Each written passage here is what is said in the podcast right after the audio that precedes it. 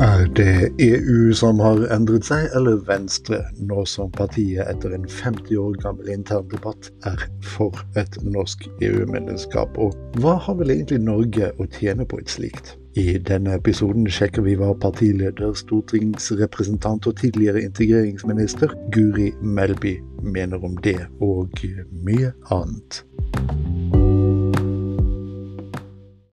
Venstre har tradisjonelt vært delt i synet på norsk EU-medlemskap, men eh, det er det nå slutt på. Og Guri Melby, eh, er det partiet som har endret karakter, eller vil du peke på utviklingstrekk i EU som, eh, som gjør at partiet har endret holdning til et mulig norsk medlemskap? Jeg tror egentlig jeg må si ja til begge deler. Både Venstre har endra seg, men ikke minst at EU og Europa har endra seg ganske betraktelig siden forrige gang vi hadde folkeavstemning om eh, norsk medlemskap i EU. Så Venstre har jo de siste 20 årene blitt det som mange vil karakterisere som et mer urbant parti. Eh, større base i de store byene, i Oslo og Akershus. Det er jo deler av landet der vi vet at oppslutninga om norsk EU-medlemskap er større enn f.eks. i distriktene. Så det preger nok litt sammensetninga av partiet. Det at vi kanskje også har fått en yngre medlemsmasse.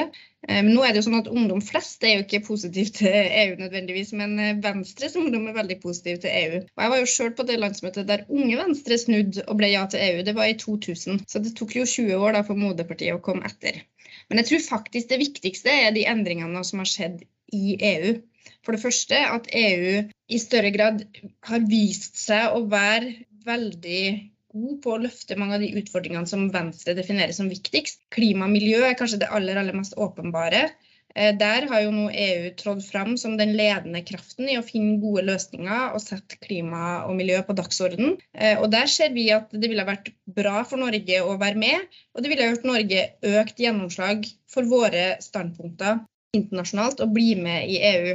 Og så er det jo utvidelsen av EU som har gjort at uh, altså disse anklagene om at EU var en rikmannsklubb, hadde jo en viss kjerne av sannhet på 80-tallet. Det er jo ikke riktig lenger, med utvidelsen østover og et mye mer mangfoldig EU.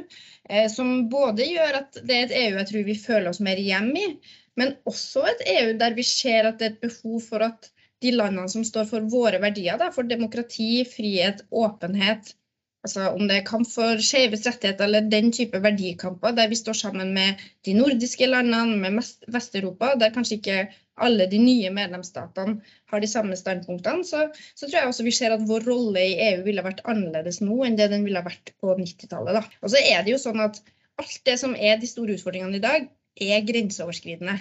Om det er klima og miljø, om det er migrasjon, om det er noen konsekvensene av krigen i Ukraina og ikke minst der EU har tatt en veldig viktig rolle når det gjelder sanksjoner mot Russland, tydelighet i støtten til de liberale verdiene, så ser vi at det her går på tvers av alle landegrenser, og da trenger vi overnasjonale organ. EU er et av dem som funker, kanskje det eneste, eh, og er ikke feilfritt. Eh, masse man kan si negativt om EU, men det er det vi har, og det er det beste vi har akkurat nå. Her i Norge har vi jo vært ganske standhaftige. Nå snakker jeg om flertall, og egentlig ganske marginalt flertall også, mot EU-medlemskap. Men det begynner å bli en stund siden. og Forrige gang vi ble bedt om å ta stilling til et slikt medlemskap, så virket det som om både nei- og ja-siden egentlig tok utgangspunkt i konsekvensene for oss selv. What's in it for us var liksom sånn, et omkved. Men er det et uttrykk for at vi enten vi er for eller mot, innerst inne egentlig er oss selv nok?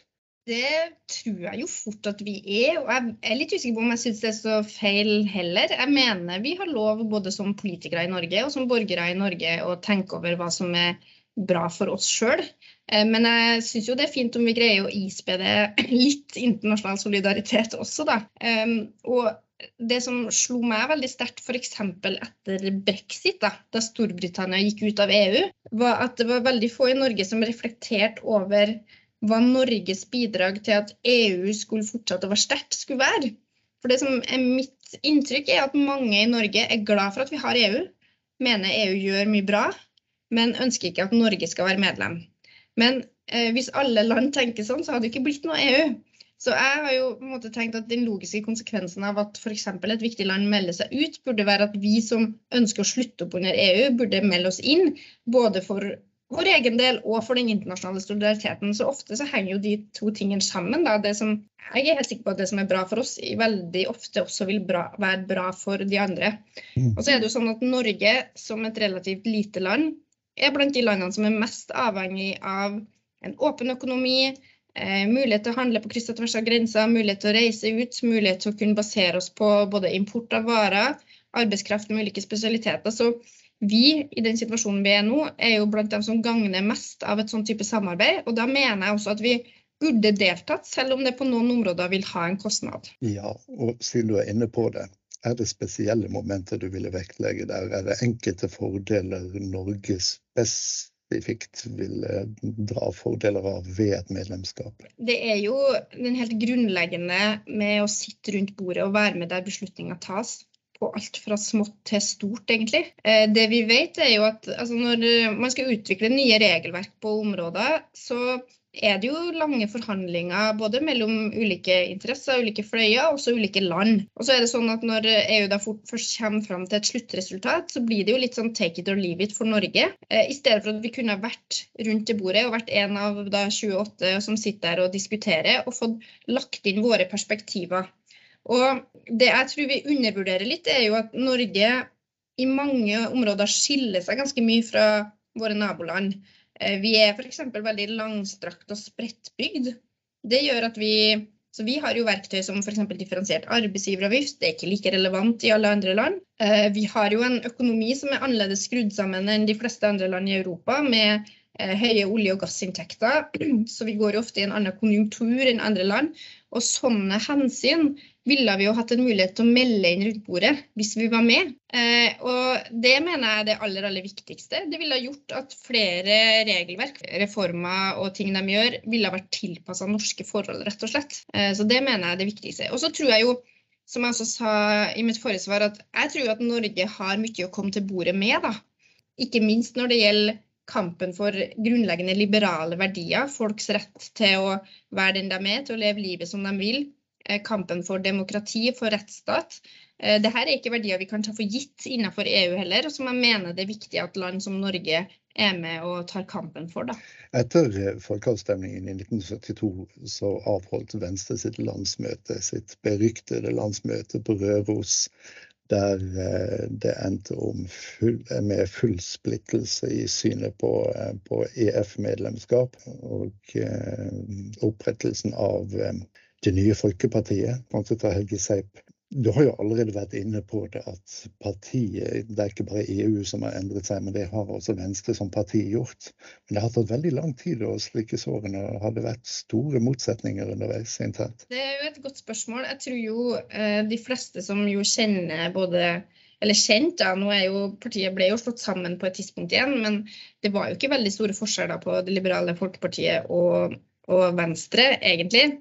Men det man ofte ser òg, er at når partier har denne type konfliktsaker, så ligger det jo gjerne mer under enn bare den saken. Så jeg tror nok at landsmøtet i 72 handla jo om mye mer enn EF-saken, egentlig. Det handla jo om personer, det handla om forhold mellom stortingsgruppe og parti.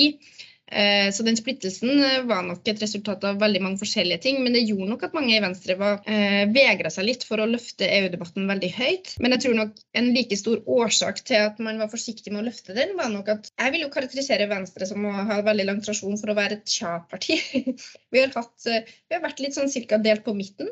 Mange som har vært ja, mange som har vært nei. Eh, og dermed så har man kanskje vært opptatt av å prøve å finne formuleringer av standpunkt som favner alle. da.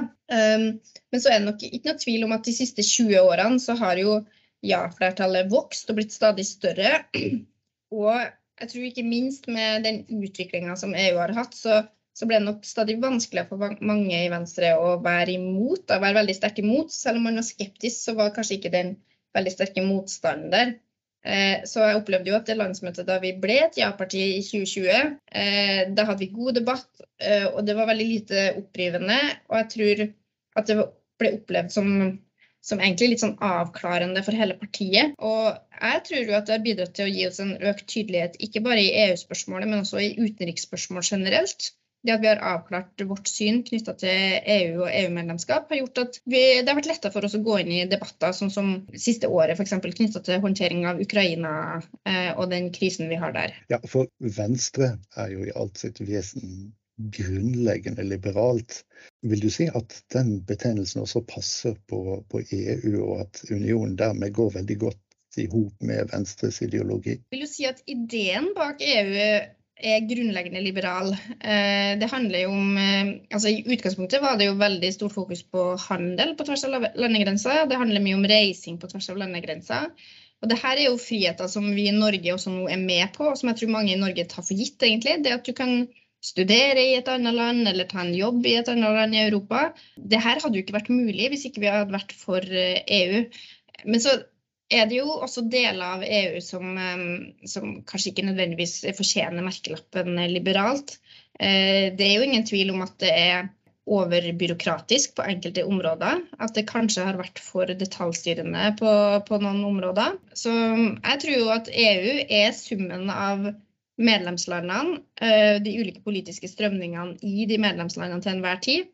Men selve grunntanken om det å løfte opp en del problemstillinger på overnasjonalt nivå, det å inngå i forpliktende internasjonalt samarbeid eh, og det å øke folks frihet på tvers av landegrenser, det er jo grunnleggende liberalt. Og det er jo Venstre veldig for. Jeg skulle gjerne ha spurt om mer, men eh, jeg tror vi må sette strek der. Så, og med det sier vi tusen takk til Guri Melby og til deg som hørte på. Dette er 12 minutter Europa, og jeg heter Jarle Petterson.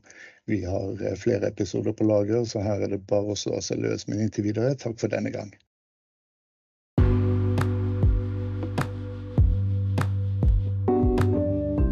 Husk å abonnere på podkasten, så varsles du når vi slipper nye episoder. Og ikke glem å følge europabevegelsen i de sosiale mediene, for uh, som vi alle vet, det kan aldri bli nok Europa.